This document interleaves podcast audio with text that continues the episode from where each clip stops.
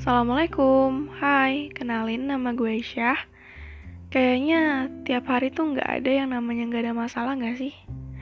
Di saat lo lagi bahagia-bahagianya, ketawa-ketawa, eh tiba-tiba kucuk-kucuk-kucuk, masalah datang. Ada yang dari temen, keluarga, kampus, sekolah, bahkan dari diri sendiri aja suka datang masalah. Tapi lu nyadar gak sih? Kalau lu nggak ketemu masalah yang lu hadapi waktu itu, lu nggak bakal jadi diri lu yang sekarang. Yang kuat, yang tegar, dan yang sabar ya. nggak, nggak, nggak. Bercanda. Ya pokoknya diri lu yang sekarang. Tapi jujur, kita keren banget gak sih?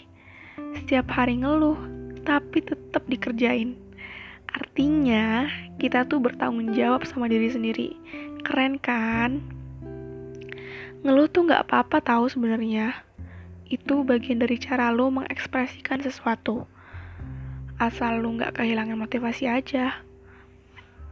Kalau udah nggak mampu untuk menyelesaikannya, ya udah, yuk minta bantuan ke orang lain. Tapi inget ya, ngomongnya ke orang yang dipercaya aja. By the way, kalian udah pernah muji diri sendiri belum? Kasian deh kalau diri sendiri belum disayang lihat betapa kerja kerasnya elu, semangatnya elu, nangisnya elu, itu sebuah effort tahu gak sih? Coba deh mulai berterima kasih sama diri sendiri sudah mampu berjuang sampai sekarang.